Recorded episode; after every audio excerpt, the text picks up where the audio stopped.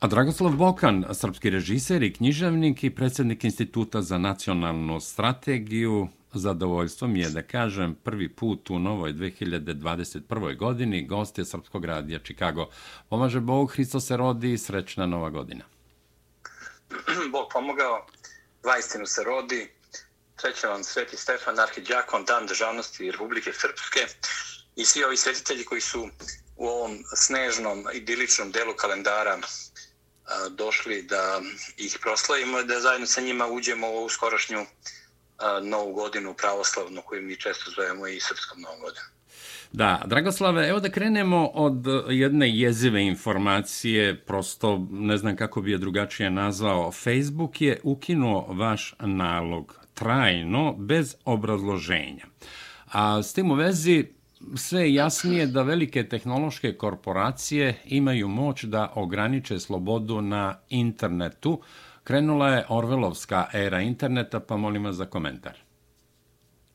Pa evo, dočekali smo da Angela Merkel, koja je odrasla i odgajena je u istočnoj, onoj komunističkom delu Nemačke, da ona ovaj, kritikuje ispravnost takve odluke kada reč o, o još uvijek predsjedniku Amerike Donaldu Trumpu. A, ne zbog toga što se ona slaže sa tim što je govorio a, predsjednik Trump.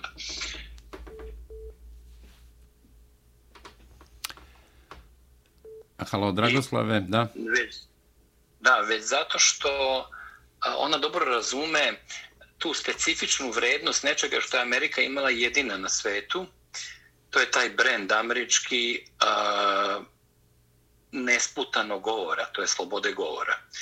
To uh, da su često puštani i ljudi sa kojima se niko nije slagao ili koji su bili bizarni ekscentrici ili uh, koji prosto ne bi mogli ne odbrane ni na koji način razlog zašto su imali slobodu a, govora sem same činjenice da je sloboda govora sama suština deklaracija američke i ustava njenog i njenog načina funkcionisanja, to sve govori o tome da sad ulazimo u jednu novu epohu, epohu slobode govora i epohu zabrane govora, koja može da ima strašne posljedice, posebno u zemlji koja je kolevka slobode govora.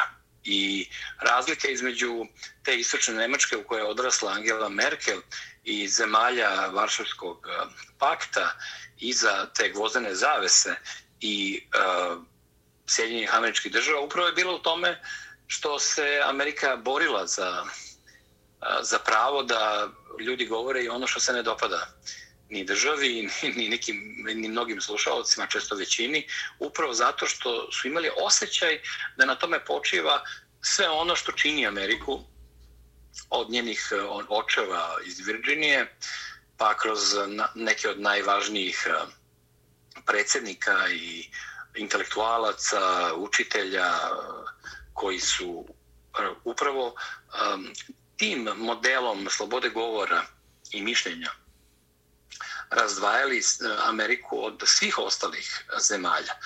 Mi prisutujemo znači sahrani slobode govora i ja mislim da je to neuporedivo veća vest, važnija i strašnija i lošija i neizvesnija za Amerikance nego to što se dogodilo u Capitol Hillu ili to što se događa vezano za promenu predsjednika ili za sve ono što je išlo u sto, uručunavajući tu i koronu i sve probleme koji su zbog toga proizašli. Ja mislim da sve to ne može se poredi sa tom sahranom slobode govora, uništenjem slobode govora, sa tim da privatne firme uh, blokiraju predsjednika Amerike da, da ne može da, da se obraća nikome, ni svojim pristalicama, ni prijateljima, ni neprijateljima, u ostalom, kao da, uh, je njegov, kao da je njegov Twitter, Facebook uh, ili ne znam, Instagram, kao da su to atomske bombe ili ne znam, e, neka strašna oruđa i oružja. Neki put, e, menjajući nešto što je često loše, e, činimo nešto neuporedivo gore. Jer ako je taj američki brend nešto čime se Amerika ponosila i u što su ljudi gledali e, nekako više nego u sam kip slobode i Amerika je baš bila zemlja u tom smislu neka vrsta slobode. Potaćemo se i, i filmova koji su pravljeni ovaj, na tu temu uh, upravo vezane za, upravo vezane za časopis Hustler ili ne znam, za, mno, uh, za mnoge druge medije uh, koji su bili osuđivani od ljudi iz ozbiljnih moralnih i ostalih razloga, ali gde upravo to čuvanje tog amandmana gde, gde je neprikosnovena sloboda govora bila nešto što je bilo iznad svega ostaloga, posebno iznad politike. Sad odjednom dolazimo u epohu velikog inkvizitora, u epohu u kojoj odjednom te društvene mreže stvarno postaju mreže, ali one mreže koje vas hvataju kao, kao zarobljenika u neku čudnu ludačku košulju. E, društvene mreže su nastale i bile prihvaćene upravo zbog slobode upravo zbog mogućnosti da se slobodno komunicira i svi smo postali deo tih društvenih mreža i nema nikog pismenog, ne samo elektronski pismenog, nego pismenog, a da nema ili da na neki način nije uključen u društvene mreže i nikom od nas nije palo na pamet da je moguće, ne samo da nas svaki čas zabranjuju, zato što se neka udružena grupa organizuje i onda vas prijavljuje, onda često po definiciji vas zabranjuju pa se vi žalite pa vam oni vraćaju pravo lajkovanja i pisanja, nego sad jednom dešava ono što je najgore na što nisam mogao da zamislim, a to da neko ukine vaš profil, da vam status uništi, uh, ukrade.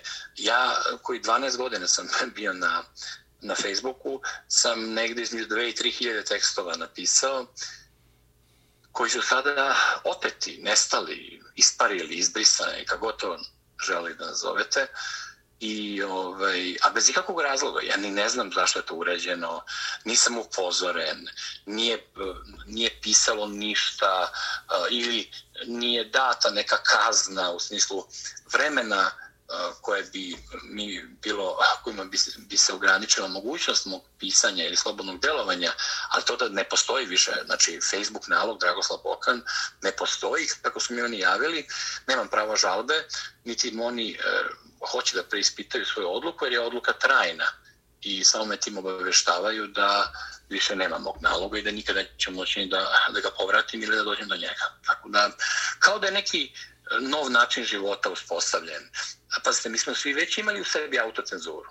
Pošto e, mi znamo da su Hrvati, za razliku od nas, organizovani i da to bolno pitanje Jasanovca i stradanja Srba, Jevreja i Roma u nezavisnoj državi Hrvatske, e, Hrvatskoj, njih boli.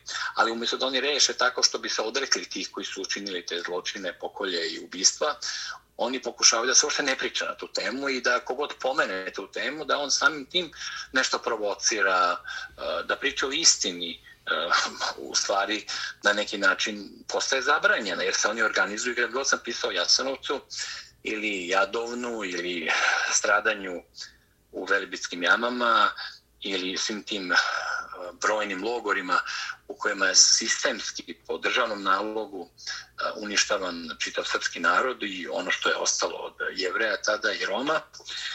Zajedno oni, umjesto da zajedno sa nama traže istinu, jer niko njih ne optužuje, većina njih nije bilo ni rođeno u to vreme, ali to što oni brane te ubice i koljače, što oni ostaju uh, uz njih i, i misle da je rješenje da mi ne smemo da pričamo o tome i da ako pričamo o tome, mi činimo nešto ružno. Obrnula se priča. To je kao, kao kad bi se nacisti ljutili na jevre što govore o stradanju njihovih otaca i dedova u Auschwitzu, Dachau i to. Znači, pa puno obrnuta. Oni optužuju nas da radimo nešto ružno. Mi kad eh, postavljamo fotografije te pobijene dece, srpske, jevrijske i romske iz drugog svjetskog rata u nezavisnoj državi Hrvatskoj, eh, oni nas prijavljuju na uzimanje, ta Facebook nam briše te fotografije, eh, ne znam, zabranjuje nam prisustvo na mrežama na sedam dana, dve nedelje, mesec dana, kao da taj revizionizam koji je nedozvoljen, koji je kažnjiv u zapadnoj Evropi i na, na mnogim mjestima u svetu, to poricanje broja pobijenih žrtava u drugom svjetskom ratu, to je kažnjivo. Kod nas je obrnuto. Kod nas kada govorite o žrtvama, to je kažnjivo, a kada a oni koji brane da se govori o istini stradanja, oni u stvari e, drže tu e, glavnu reč i vode kolo kada je reč o Facebooku. Čuli smo da je jedan od administrativnih centara za regiju je u Zagrebu, a glavni za Evropu je u Irskoj, koja je inače poznata po tome da skoro svi mladi IT stručnjaci hrvatski e, tamo žive i rade baš u Hrvatskoj se postavlja pitanje šta taj irski sindrom odlaska neprestanog u Irsku na način koji su nekada Turci odlazili u Nemačku. Tako da je sa te strane ovaj, nama zapečećena sudbina na Facebooku, pošto mi ne možemo da govorimo o toj temi. Kao kad bi neki jevrejn go pisao Auschwitzu, a onda ga neonacisti zabranjivali a, sa idejom da on time, ne znam, uznemirava a, mirne odnose među građanima je tako nešto suludo. Znači, ta tema pisa bavljanja stradanjem Srba inače eh, ovde zabranjivana sa svih strana. Eh, medije zapadne to nije zanimalo ni u vreme trajanja ovog rata 90-ih, ni nakon toga kada su se stvari smirile, eh, ni tada nije dopušteno da govorimo o nečemu što pripada istoriji drugog svjetskog rata u kojoj ljudi znaju za skoro sve velike konclogore u Evropi, ima ih osam ili devet tih najvećih, među kojima je Jasanovac koji se iz nekog čudnog razloga neprestano preskače. I to je možda bilo i logično dok je bio Tito živ, jer je Tito kao saveznik uh, Zapada od momenta kada se okrenuo protiv uh, Sovjetskog saveza, on je bio privilegovan i mažen i pažen od strane svojih zapadnih pokrovitelja, pa je tako sretao dvojicu američkih predsjednika, kraljicu Elizabetu, eh, oni nisu mu uvodili nikakve sankcije, on je postao praktično deo NATO pakta kroz onaj čuveni Balkanski savez, ogromnim kreditima je, eh, je američki kapital, ali zapadna kultura eh, ušla u bivšu socijalističko federativnu republiku Jugoslaviju, toliko da mi u stvari smo svi odricali svog identiteta, mi Srbi, i verskog, i nacionalnog, i kulturnog, za razliku od Hrvata i Slovenaca koji su ulazili u sve to pa mnogo preznije, zadržavajući svoj identitet. Mi smo kroz Jugoslovenstvo se praktično samo ukidali, a onda je zapadna kultura dolazila povrh toga, pa smo postali građani sveta, ljudi koji pripadaju rock and rollu, a onda kada smo udareni ovaj, početkom 90. godina eh, tim rušenjem eh, Jugoslavije i stradanjem Srba koji su živali ovaj, u svim delovima Jugoslavije, pa i u takozvanoj Republici Hrvatskoj, Eh, i Bosni i Hercegovini odjednom eh, opomenuti, ne zato što mi pronašli svoj identitet, nego što je naš zabran, zabranama i stradanjem našeg naroda smo mi odjednom hteli ne hteli postali svesni nečega o čemu nismo ušte razmišljali i što je bilo zaboravljeno upravo zbog Titove zabrane da se govori o stradanju Srba od Ustaša u drugom svjetskom ratu, čak do taj mere da Tito nikad nije otišao u Jasenovac. nije, ne postoji nijedna fotografija Titova iz Jasenovca, a i Tito je obišao, kao što znamo, svako i najmanje ono skoro selo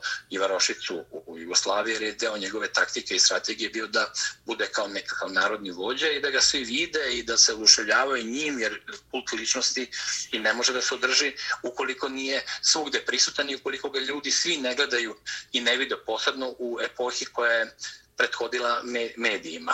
Znači, u vreme kada si morao fizički da budeš negde, da bi te ljudi vidjeli i razmišljali o tebi. Znači, taj sistem u kome je Tito svugde bio, a nije bio u Jasanovcu, to je prosto jedan gest kojim je on jasno pokazivao šta on misli o tome. Ne samo kao Hrvat rođenjem, ili kao a, pripadnik one vojske i vođa one vojske partizanske koja je oslobodila Beograd u oktobru 1944. i uvela preke sudove koji su nakon toga sljedećih sedam meseci e, svakodnevno ubijali e, jako veliki broj e, elitnih pripadnika srpskog građanskog društva koji nisu bili komunisti, zlopotrebljavajući to oslobođenje, a Hrvatska je, kao što znamo, oslobođena 8. maja, ovaj, Zagreb je oslobođen 8. maja, 9. maja je završen rat.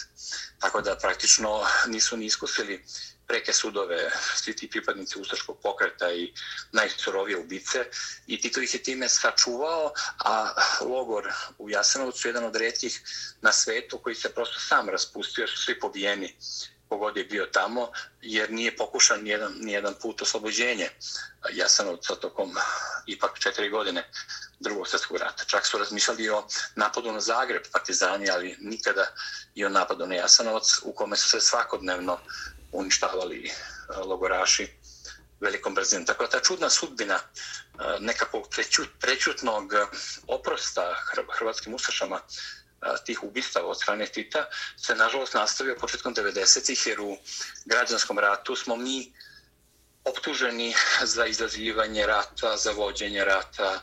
Mi smo postali krivci i ta priča o negativcima Srbima se razvijela i razvijela i razvijela do te mere da smo mi na kraju optuženi za genocid.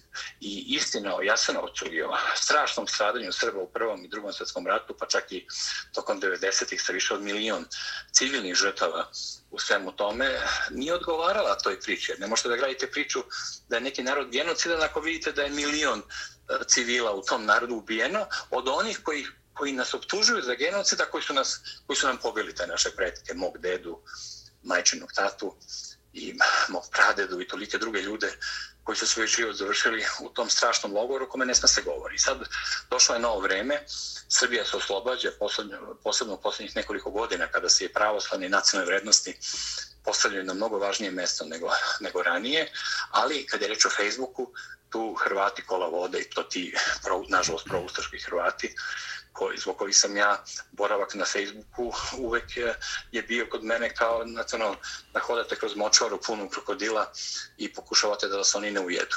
Ja sam se stalno osjećao kao krivac govoreći o nečemu o čemu bi trebali i Hrvati, i Slovenci, i takozvani bošnjaci i svi ostali da govore da zajedno osudimo te monstrume i mirna bačka.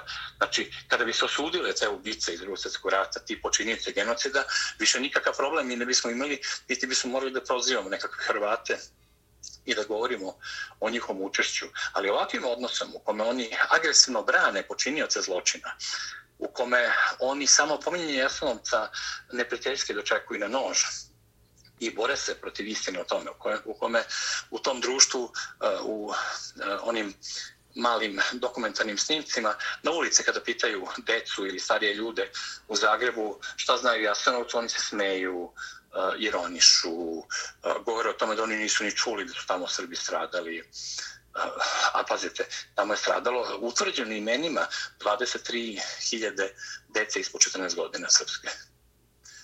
To su jezive stvari. Znači, vi ne možete u društvu koje govori o stradanju u Srebrenici ili Vukovaru ili ne znam gde, da u tom i takvom društvu, naslonjenom na kulturu sećanja žrtava, da se preskoči milion mrtvih. Pa mislim, to je, I to je razlog u čega su meni ukinuli moj Facebook nalog i ime nisam samo ja tu stradao, nego svi oni koji se bore za istinu. Da, s tim u vezi, Dragoslave, s tim u vezi, evo samo da napomenem da, da je ovaj Facebook nalog Srbi za Trumpa 2020. suspendovan na 30 dana, ali ono što je meni bilo interesantno u najavi za naš današnji intervju na, na mom Facebook profilu, ima neki 20 komentara i evo ja ću samo da, da citiram jedan ili dva ta komentara, uglavnom svi su pozitivni s tim što je čovek koji se zove da li mu je to pravo ime, ima i neka fotografija, on nije prijatelj, ali ne znam ni kako je uleteo da komentariše, između ostalog napisao konačno sa tri uskličnika, bravo za Facebook, bravo za ukidanje profila botovima Srpske napredne stranke, onda odgovara Milan Štrbac, kaže kakve veze on, dakle Dragoslav Bokan, ima sa Srpskom naprednom strankom, jer zato što ih ne pljuje, da li bi se mogao igde pojaviti iko na televiziji sa nacionalnom frekvencijom koji ih pljuje sem na tako je on napisao, nacističkoj CNN, odnosno N1 lupaš gluposti, van mozga pričaš, naravno. Evo, vrlo kratak komentar, jer uh, sledeće pitanje da. sigurno će izazvati uh, uh, lavinu ovakvih, kao što je Zoran T. Janičijević i nazvati vas botom Srpske napredne stranke. Evo, kratko, ako hoćete ovo komentarišete. To redko ko, redko ko piše, znate. To da, pa i ovaj redak od 20, on je jedan. Pa ne, ali kažem, vi ne možete izbeći u opšten haosu koje vlada u našem društvu, jer srpsko društvo pod komunizmom je bilo u diktaturi, u kojoj su srpstvo i pravoslavlje bili pod pritiskom i zabranjeni. Nakon pada komunizma stvoren je jedan haos tranzicioni u kome su isto glavne mete napada sa svih strana bili srpstvo i pravoslavlje ja ne pripadam jednoj političkoj stranci, da želim pripadam. Tako je, to znam. Vjerojatno bi bio u nekom rukovodstvu te stranke, ne bi bio čovjek van politike. Ali, kao posmatrač uh, situacije u Srbiji i kao svedok epohe, ja sam dužan da vidim šta ko radi. Znate, ja nisam devojčica uh, ti, pubertet, iz pubertet, koji u pubertetu, niti žiri za izbor najlepšeg političara Srbije, pa da razmišljam o tome kako ko izgleda, govori, ko mi je simpatičan, ko mi je nesimpatičan, ne gledam šta je ko uradio. Tako znači, je. trenutka kada su meni prošle godine, kada su me zvali ljudi iz predsjedništva Srbije, da ja režiram da ja režiram tu neku vrstu obeležavanja 25-godišnjice stradanja prognanih Srba u Oluji, u mostu na Sremšperači i da tu dođu i e, Dodik, gospodin Dodik i e, predsjednik Srbije Vučić i patrijarh počivši e, Irinej, ali i svi oni umetnici koje sam ja za tu priliku doveo napisavši scenariju i režirajući sve to. Ja kad sam video to u državi koja je par godina samo pre toga, da ne govorimo svi onim ranim godinama, zabranjivala da neko kao ja, kao patriota, učesnik na ratištu, kao dobrovoljac i srpski rodoljub, da mogu da se uopšte pojavim bilo gde ili da radim bilo šta takvo, javno, to je za mene znak da se nešto menja nabolje, znate Eh, kada se govori o, o stradanju Srba u Jasenovcu, planira izgradnja velikog eh, spomen doma u Donjeg gradini, onom delu Jasenovca koji je sada u Republici Srpskoj, kada se obeležava eh, stradanje Srba u svim ratovima koji postoje, kada se dovršava hram Svetog Save, a, gde se više uradilo za njega u posljednjih nekoliko godina nego u stotinu, stotinu godina pre toga, kada se pravi spomenik Stefanu Nemanji, koji ovaj, će obeležiti beogradski profil jednom popuno drugačijom duhovnom dimenzijom nego što je bio Beograd do tog trenutka, to će biti sad na Savindan, kada uh, predsjednik Srbije prvi put još od vremena kralja Aleksandra Obrenovića obilazi službeno, dolazi kao predsjednik na Hilandar i tamo dogovora sa monasima koji su ga pozvali i blagoslovili njegov dolazak, dogovora obnovu manastirske crkve iz 13. i 13. veka koja će biti obnovljena zajedno sa konacima u roku od dve godine od danas kada pravoslavna crkva ima zaštitnika u ljudima koji vode Srbiju, i kada se prvi put govori o stradanju Srba 90. da se ne popušta Hrvatima onda kada oni kreću da svojim nacionalizmom podsjećaju na onu tradiciju koju su vodili sobom Pavelić, Broz i Franjo Tuđman. Kada sve to imate ispred sebe i kada se ne predaje Kosovo, kad se ne ulazi u NATO pakt, kad se ne uvode sankcije Rusiji, kad se uh, ne priznaje da je u Srebrenici počinjen genocid, već zločin, ali ne genocid za koji bi bili krivi Srbi kao prvi tako označeni narod u istoriji čovečanstva koji je bio optužen za genocid. Kada sve to imate na sceni, vi ne možete da to previdite. Vi ne možete da izjednačite predsjednika Srbije sa Milan Đukanovićem, koji je hteo da razmenički otme od te iste Dragoslav Bokan, evo imamo mali prekid na, na vezama, dakle govorimo i o poseti predsjednika Srbije za badnje dani Božić Hilandaru. Prekid, pokušat ćemo da uspostavimo vezu ponovo. Prekid na internetu, prekid telefonskih veza i evo, idemo ponovo da vidimo o čemu se tu radi, ko nas to prekida, da vidimo da Dragoslav ne zove nas. A, evo, nešto ne ide. U svakom slučaju, evo, gost je a, srpski režiser i književnik i predsjednik Instituta za nacionalnu strategiju Dragoslav Bokan. Govorio je u prvom delu nešto opširnije o ukidanju, trajnom ukidanju njegovog Facebook naloga.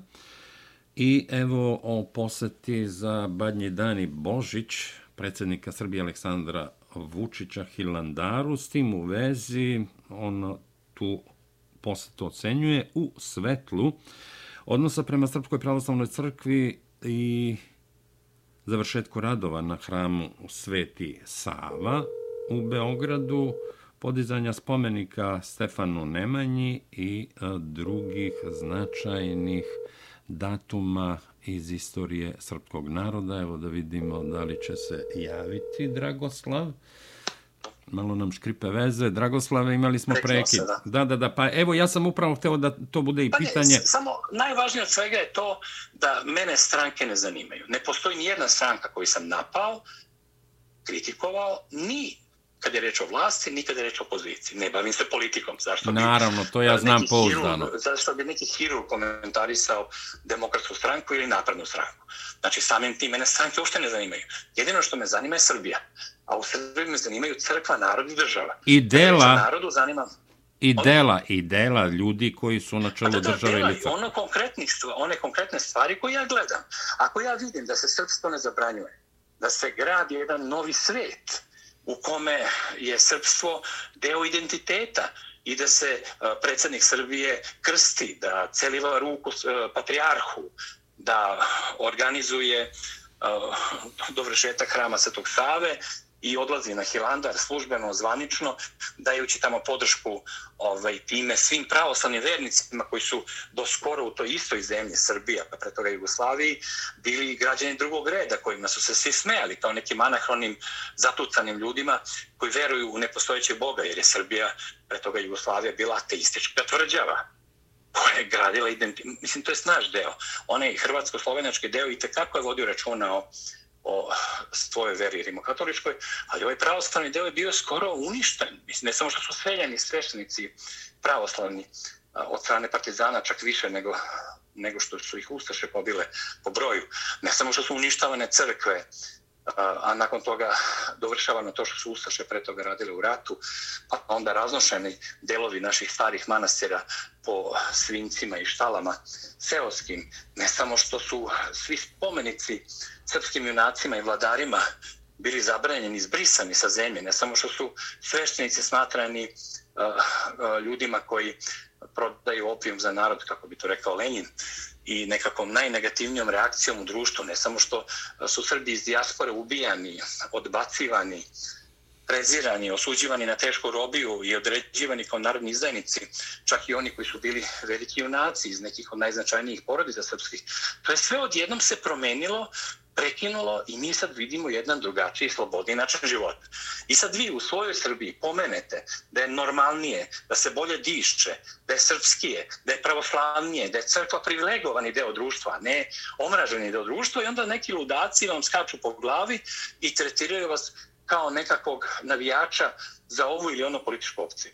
A da je to uradio bilo koji drugi predsjednik iz bilo koje druge stranke, ja bih isto to, apsolutno isto bih rekao ono, kao ono što govorim i svedočim sada o tome što se dešava u Srbiji.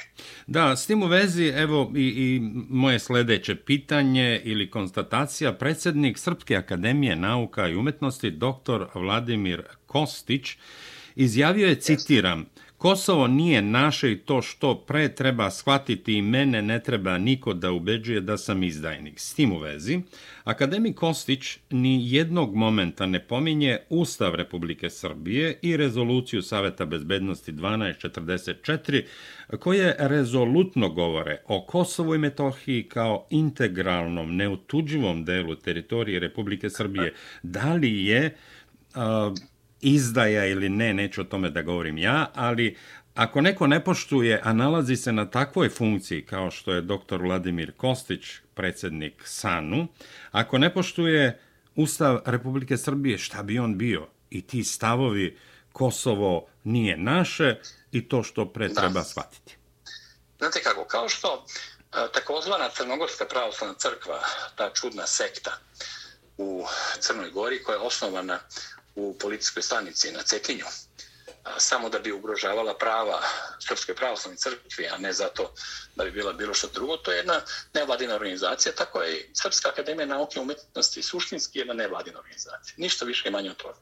Još od vremena kada je Josip Broz Tito dobio počasno članstvo u Srpskoj akademiji nauke, iako je pobio čitav niz najuglednijih članova te iste Srpske akademije nauke i umetnosti neposledno pre toga dao je da se streljaju ili e, oduzeo im pravo e, tu, kako su oni govorili tada, e, od građansku čast i oterao ih je sa raznih fakulteta gdje su predavali, ali je on, nažalost, postao ta vrsta nekog merila i meritornog uh, određenja za to šta je takozvana srpska uh, takozvana akademija takozvane, takozvanih nauke i umetnosti.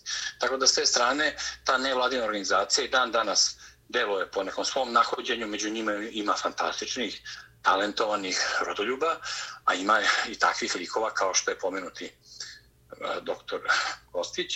I sad baš je krenula, juče je e, krenula peticija koji su potpisali mnogi ugledni srpski intelektualci poput Dušana Prorokovića, Dejana Nikavice, Miše Đurkovića, među kojima sam potpisao i ja, naravno. To zahtev da se smeni taj čovek koga bi mogli da nazovemo na isti taj način šiptarskim botom. On je šiptarski bot ili neprijateljski bot, znate da ga smeni, da se smeni sa te visoke funkcije, da bi se čuvali čas Srpske akademije nauke i umetnosti, a ne da bi oni postali isto što je N1, recimo televizija. Znate, N1 televizija vam je mera zloupotrebe antisrpskih osjećanja, mera neprijateljstva prema svemu srpskom. To se krije naravno iza neke opozicijone kvazi priče i kao borbe protiv režima. U stvari je reč o mržnji prema srpstvu. To je inače televizija koja je osnovana u Luksemburgu, i zvanično je ubeleženo u njen program rada, da oni reemituju program iz Luksemburga za Sloveniju, za Slovence. Tako da vi ako želite da se žalite zbog nečega što oni kažu, napišu, uredno oni vas upute na to da oni nisu za to odgovorni, nego morate se žaliti u Sloveniji ili Luksemburgu.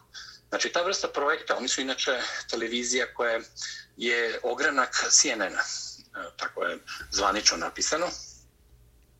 A ono što je isto važno kad su oni u pitanju, postoje N1 i u Hrvatskoj, znate, ali N1 u Hrvatskoj pravi razgovore sa ratnim generalom Antom Prkačinom, sa Miroslavom Škorom, koji je uz Thompsona najpoznatiji pevač tih ultranacionalnih, da ne kažem neku e, težu reč, e, hrvatskih ovaj, kvalifikacijskih pesama. Znači, N1 u Hrvatskoj nema istu funkciju, nema isti program i ne bavi se istim stvarima kao N1 u Srbiji. Da. U Srbiji se neprestano projektuju neprijateljski e, pokušaj da se kroz formu borbe sa režimom ili sa vlašću u stvari uništava sve što je srpsko. I to je, to je ceo problem naš, jer onda kogod se bavi opozicijom politikom upada u tu zamku. Očas posla postaje saveznik e, svih naših regionalnih protivnika, od montenegrinskih milovih jurišnika na sve srpsko, preko najekstremnijih šovinističkih eh, e, srbofobnih Hrvata, preko onih bošnjaka koji uopšte ne, ne priznaju srpske žrtve i ne interesuju ih crnina srpskih majki, srpskih sestara i srpskih čerki u pobijenim porodicama, već oni isključivo gledaju i razmišljaju samo o svom sobstvenom stradanju. Znači, u tom jednom sebičnom, opasnom regionalnom okruženju, a da ne govorimo tek o šiptarima, mi imamo poziciju u kojoj moramo da branimo Srbiju. Srbija postoji kroz državu i crkvu. I kogod napada državu i crkvu iz bilo kojih razloga, on je neprijatelj Srbije. To je tako jednostavan model koji svako bi na svetu normalan kada pogleda, to lako mogu da očita. Nažalost, kod nas jedan deo čak vrlo inteligentnih ljudi, obrazovanih, uh, u strahu da ne budu proglašeni za režimske botove i kako oni vole da kažu sendvičare, iako su jedini pravi sendviči u Srbiji, oni iz Brisela. Da, da, da, evo posljednja reč je on iz Brisela. Da, mali prekid, izvolite. Da, pa, kažem, jedin, to su pravi sendviči, znate. Botovi su oni ljudi koji dobiju stipendiju, grantove, uh, pobeđuju na konkursima i dobiju ozbiljne sume novca. To su desetine miliona ili stotine miliona dolara i evra koji idu u taj nevladin sektor, čija je namena samo da pod formom, kažem vam, borbe protiv vlasti, i priča o tome da bi sve bilo odjednom prelepo i fantastično samo da nema te vlasti, oni u stvari se bore protiv svih onih uh, tačaka srpskog identiteta. Samo da se setim jednog važnog detalja. Isti taj Aleksandar Vučić, koga sad napadaju, četvrti sektor napada, najbrutalnije govoreći da nikad takva diktatura to bože nije postojala kao sada, on je bio njihov miljenik eh, kad je došao na vlast. Znači, on kada je došao na vlast 2012. kad sam ja bio veliki protivnik i njega i čitave te stranke uh, sa kojom je on ušao u vlast, ne videći previše razlike između demokratske stranke koju on smenio i nasledio i njih. Tada su Vesna Tešće govorila za njega da je on uh, najveći reformista, naslednik Đinđića, uh, da oni svi podržavaju njega i to, čitav, to, je, to su bile ode od strane istog tog nevladinog sektora na račun tog istog čoveka koji se i tada i sada zvao i sad zove Aleksandar Vučić. Da, Vremenom je on počeo da menja tu svoju politiku, kao što je Dodik na početku bio jedan liberalni, prilično ne srpski, da ne kažem antisrpski ovaj, nosilac uticaja zapadnog, a nakon Radovna Karadžića i Biljane Plavšić, tamo je posle vremenom polako postajao u sudaru sa okolnostima i u odbrani naroda koji je vodio, postao sve srpski, srpski, srpski, da bi na kraju sad postao napadnut od svih tih istih ljudi koji su ranije slavili, zato što nije bio kao ostali nacionalno orijentisan, tako isto se dešava i sa Vučićem. Aleksandar Vučić ima tri, e, svoja, sve tri dimenzije. Prva je iz vremena radikala, druga je iz vremena kada je došao na vlast na krilima uh, tog reformskog prilično anacionalnog puta i treći lik je ovaj od pre nekoliko godina kad se odjednom otvara jedna manje raspričana nego u vreme radikala, ali na delima mnogo ozbiljnija priča gde on osnovac nalazi u nacionalnoj istoriji u srpskom rodoljublju i u pravoslavne, srpskoj pravoslavnoj crkvi. Znači, to je nešto što svako normalan kada nepristrasno gleda, pa ga kritikuje ili hvali zavisno od toga šta on radi, a ne od toga da li mu se dopada način na koji on namešta naočare, hoda ili drži ruke. Da, jasno. A neće Srbiju ni spasiti, ni upropastiti to da li ima manekena na svom čelu ili nekog drugog. Znate, ja više volim da Srbija ima vojnog ministra koji je mnogima smešan ili, ili ga smatraju nedovoljno opremljenim za obavljanje funkcije ministra odbrane, ali koji, koji je srbin i srpski orijentisan i radi za srpstvo i postavlja srpske generale na vrh te i takve vojske, nego da imam nekog James Bonda koji govori devet jezika, skače iz mesta dva metra i fascinira svaku devojku preko koje prođe, a koji radi za strane službe i radi protiv Srbije. A mislite, ja da. samo ne mogu da shvatim da su ljudi došli do takve tačke da se ponašaju ludački, da oni kroz to kako se ko ponaša mere njegovo dobro ili loše delovanje njegovo za Srbiju, a ne kroz to šta je uradio. Pa pazite, u ovoj sadašnjoj Srbiji podignut je spomenik Majoru Tepiću. Majoru Tepiću i onom vojniku koji je zajedno sa njim stradao, koji je novi Stevan Sinđelić i kad je taj spomenik dignut uz ulicu koja je posvećena Majoru Tepiću eh, na Dedinju, tada su Hrvati naravno se javno pobunili, njihov veleposlanik, njihova država, sve. Mi smo izdržali, naša država je postavila to. Postavila je spomenik Mojiru Tepiću. Naša država je ukinula ulice kao što su Zagrebačka, kao što su Hrvatska i uvela potpuno druga imena ulica, među kojima imate i ulicu posvećenu onom Jovoviću koji je pucao u Pavelića Eh, i od posljedica tog ranjavanja je taj monstrum eh, hrvatsko-ustaški Ante Pavelić stradao. I ubica Pavelića dobija ulicu. U ovom Beogradu sada, da bi ljudi ismevali gradonačelnika koji je dao ime tako dao ime ulici i predsjednika države u kojoj se sad uzdiže veličanstveni hran Svetog Save koji izgleda stvarno neverovatno da onaj ko nije ušao unutra. Da, grandiozno, zaista grandiozno. A da ne govorimo teko o spomeniku Stefanu Nemanji koji je najvažniji spomenik u posljednjih 200 godina u srpskom narodu. Deca prolazeći kad tog spomenika će drugačije da gledaju na značaj Stefana Nemanje, na aktuelnost, jer Stefan Nemanje će biti deo njihovog života. Prošao sam kraj spomenika Stefanu Nemanju, a, ne, a neće biti više mesto u kome su se skupljale prostitutke i, i, ovaj, i ljudi bez adrese u tom parku, da, da ne kažem kako su ga zvali, sad na mjesto gde je stara železnička stanica, sad će biti istorijski, ne u stvari tu će biti muzej posvećen Nemanjićima i srednjovekovnim srpskim vladarima, a kraj njega sa leve strane će biti u obnovljenoj zgradi uh, Istorijski muzej Srbije. Tako da je to jedan sad duhovni centar, istorijski centar i nacionalni centar u sred Beograda. I vi to napadate.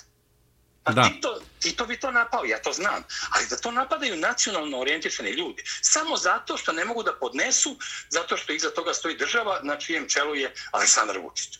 Stvarno, pa to je kao neka ludnica, znate. Ne možete da. vi po ličnim simpatijama da određujete da li je neko uradio nešto dobro ili nije uradio nešto dobro. Pa odlazak predsjednika Srbije na Hilandar u službenu posetu i podršku našem manastiru, Pa to je za pohvalu kogod da je u pitanju, ako je Srbin. Mora to da osjeti i to da pohvali. Absolutno. A ne ovdje ljudi obriću.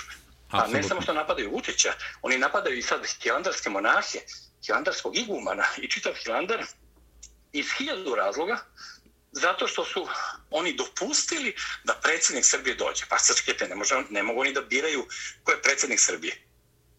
A nije predsjednik Srbije neka, kako bi rekli, ono, titula gdje sad možda bude i u senci neki drugi predsjednik Srbije, pa neki treći predsjednik Srbije, pa onda oni biraju koga će od njih trojice da prime. Postoji jedan predsjednik Srbije, postoji jedan komandant vojske, postoje jedna grupa generala koja vodi našu pešadiju, naše vazduhopolovstvo, naše specijalce, postoje jedni ljudi koji brane naše granice, postoji jedna ekipa diplomata koja ne dopušta da šiptari uđu u UNESCO ili Interpol, koji ne dopuštaju da Kosovo bude šiptarsko. Ljudi kažu, pa kao, on je Pa Vučić je kao priznao Kosovo, samo to nije formalno dovršeno. Pa ako je to tako, zašto su se toliko uskopistili svi da teraju Srbiju da prizna da prizna Kosovo. Zašto ako je to već priznato? Što se svi tako nerviraju? Što, u, što na Kosovu su neprestano bure, haos, smenjivanja vlasti? Zato što nisu uspeli da ih mi priznamo. I nikad neće uspeti. Pa država naša je uspela da 20 zemalja povuče priznanje Kosova. Pa zašto bi mi priznavali Kosovo koji povlačimo od drugih zemalja po, o, ove, priznavanje Kosova? Tu ima toliko ludačkih stvari koje su obojene isključivo mržnjom prema Aleksandru Vučiću i ja više stvarno to ne mogu nikako da razumem. Evo, ja, ja to razumem kad reći o nekim mladim ljudima, znate, mladi ljudi često e, čeznu za svojom revolucijom. Svaka generacija hoće svoj rat, i svoju revoluciju i, i postoji otpor prema ocu rođenom, a kamoli prema ovaj, vlastima i to je meni jasno. Ali da odrasli ljudi, ozbiljni ljudi, e, sa nacionalnim stažom, koji su u svom životu proživjeli zabrane iz tog vremena, koji su gledali da na mjestu gdje se sad diže veličanstveni hran Svetog Save, to je bila garaža, garaža za teretne kamione, a na e, začetku tih zidina koje su bile svud okolo su ljubavni parovi vodili ljubav tu okolo na hramu Svetog Save. To je tako izgledalo. O čemu mi pričamo? Čemu, čime se mi bavimo? Šta mi radimo? Jer imamo mi osjećaj. Znači, kada je crkva uništena, zgažena i bačena u zapećak, svi ćute. Ta crkva se vraća u prve redove elite ovog društva i odjednom se svi bune zašto episkopi i patrijarh voze normalne automobile. Da, Dragoslave, kad njima, pominjemo... Njima smeta, njima, smeta automo, njima smeta automobili koji oni voze. Znači, svi drugi, samo da kažem, svi drugi direktori privatnih firmi, klinci, manekeni, menadžeri, sportisti, svi mogu da voze nova kola. I avione a, privatne. A episkopi i patrijarh srpski, patrijarh srpski koji u vreme austrijske države, carske, u kojima su Srbi živeli i borili se za svoja prava uz jezive muke i u strašan pritisak Vatikana, pa oni su uspevali da naš patrijar vozi kočije osmopreg sa osam konja i naši su se Srbi ponosili što predstavnik naše crkve nije bedan i ne mora da kleči i da hoda odrpan e, tamo i da mu se svi smeju. Sad se to obrnulo, sad odjednom ta generacija odrasla pod Titom, koja je formalno kao srpska, a u suštini ima sve osobine kao i one proterske čete koje su upadale u Beograd, izbacivale ljude i ubijali ih da bi im zauzeli ove njihove, njihove stanove i kuće.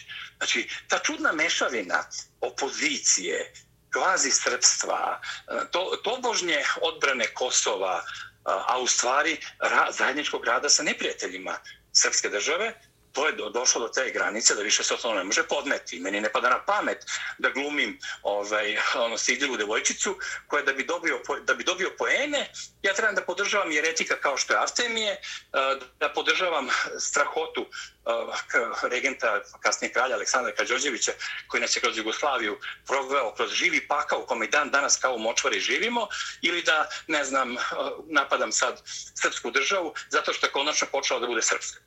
Ne pada mi na pamet da se ja uvlačim i, i ovaj, uh, povlačim od istine ka tome da me neko pohvali, da kaže, a dobar je ovaj Dragoslav. Da, a Dragoslav, evo... A moj cilj je da budim ljude. Da, evo, približavamo se, ovaj, ističe nam vreme kraju našeg razgovora.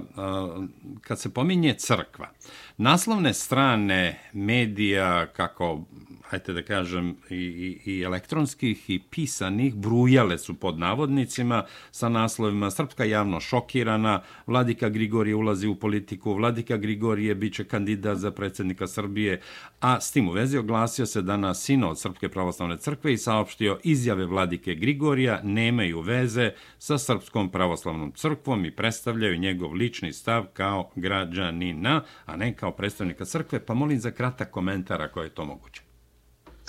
Pa naša crkva izgleda u sebi više nosi taj duh e, koji koji nestao iz, nažalost, iz savremene Amerike, a to je duh da su e, izjave, obične izjave, e, samo reči koje lete bez nekih konkretnijih posledica i da nisu isto što i dela. Tako da dokle god Vladika Grigorije, koji ja znam još iz vremena kad je bio drugačiji nego sada, kad je bio srpski orijentisan, i kada je branio pravoslavlje i Justinovsko pravoslavlje.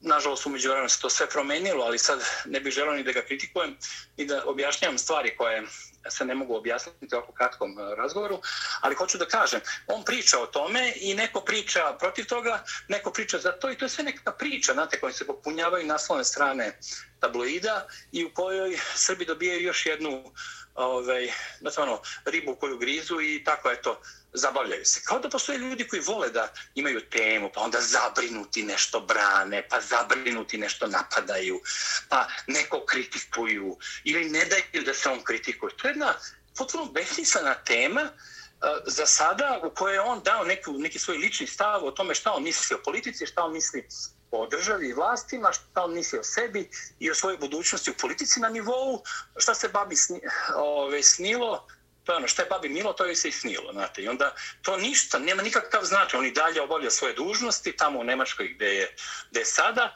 i sve dok ne skene mantiju ili ne postane stvarno ovaj, sabirni centar koji će okupiti oko sebe opoziciju koja želi da sruši srpsku državu kroz srpsku vlast i da udari na sobstvenu crkvu i na svoje kolege u Hristu sa episkopskom Panagijom i Mitrom, dok to ne uradi, to je sve, znate kako, znači ono, priča.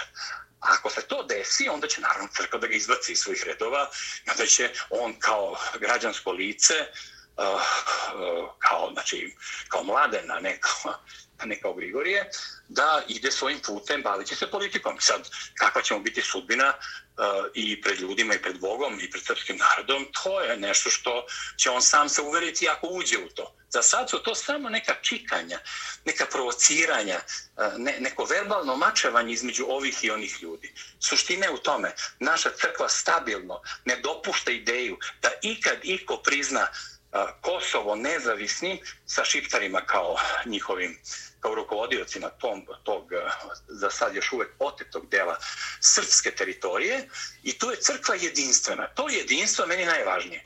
Jer u, na tom položaju su i vladika Grigorije i vladika Irine Bački i fantastični mladi vladika Metodije Dioklijski, vikarni episkop počivšeg Afilohije i vladika Joanikije i mitropolit Porfirije i ne znam Jefrem vladika, znači mitropolit Hrizostom, Siluan Australijski, Ilarion Timočki, znači svi oni, bez jednog izuzetka, su na strani odbrane Kosova i Metohije kao svete srpske zemlje i dokle god je tako, svi učesnici sabora, eh, Svetog arhijerskog sabora Srpske pravoslavne crkve, sve vladike, su nešto što ja smatram e, bitnim za čuvanje naše otržbine i na njenog najvažnijeg svetog dela, kosovsko-metohijskog i ne želim uopšte da kritikujem nikoga od njih dok on ne pređe granicu kao što je nažalost svojevremeno uradio Artemije, nekadašnji vladika, koga je povukla ta ideja da je veći od crkve i od sabora i od sinoda, iako je on čovjek koji je privatno bio fantastično obrazovan, uh, izvanredno pravi asketa, koji je stvorio i ojačao monaštvo na Kosovo, znate kako?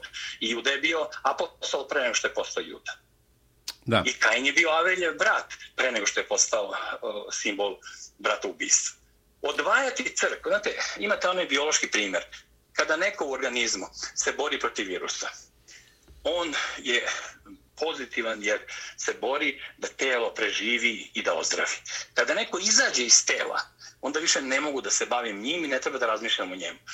Otac Justin, koga su često pominjali ljudi oko vladike Artemija, bivše vladike, sad počivšeg, otac Justin je bio u gardu i u protivničkom stavu prema patrijarhu Germanu koji ga je čuvao inače od komuničke vlasti da ga oni ne satru, ali on je bio protiv njega, ali mu nije padalo na pamet da izađe iz Srpske pravoslavne crkve.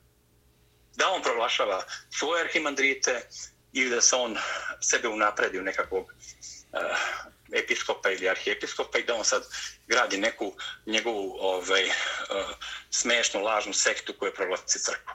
Mi Srbi moramo da stvari gledamo jednostavno. Mi ne smemo da se zavlačimo s pričom da li je neko simpatičan, moralan, dobar ili loš. Mi moramo da znamo za crkvu je najvažnije jedinstvo u duhu svetom, kroz sabor i kroz držanje zajedničko držanje svih onih koji dan danas okupljaju i Studenicu, Sopoćanje, Žiču, Hilandar i sve naše velike srednjokone manastire. To je sve jedna velika celina. Hramovi, ljudi, episkopi, džakoni, monasi, sveštenici. Znači to i verni narod. I mi držimo Srbiju i sada, i ako Bog da i kroz 100 godina i 200 godina, u celini i u, vezam, u vezi sa budućnošću i sa prošlošću. Država, ona brani preko vojske kojim rukovodi, brani granice. Ona brani preko diplomatije koji ima, brani se ono što je ugroženo u tome. I narod mora da prepozna ulogu crkve i države i da se bori da odbrani eh, svoju državu jer tako brani sebe. I da odbrani svoju crkvu jer tako brani svoje spasenje. Dragoslave, evo, ja sam imao još neka pitanja u vezi sa Crnom Gorom, vreme nam je isteklo, pa ćemo to ostaviti za... Nažalost, na, mislim da to nije, da nam je isteklo samo vreme u smislu ove emisije, a nije Srbima isteklo. O, ne, ne, ne, ne, ne, naravno, nego mi možemo da nastavimo za par da. minuta ponovo, o, o, o, da vas pozovem, pa da nastavimo, ovo je vrlo važno što sam mislio da prokomentarišete može, u vezi može, sa Crnom može. Gorom. Zvaču vas za 3-4 minuta, pa ćemo ući direktno u program. Važi. Važi. Hvala, pozdrav, čujemo se ubrzo. Svako dobro, svako dobro slušalcima.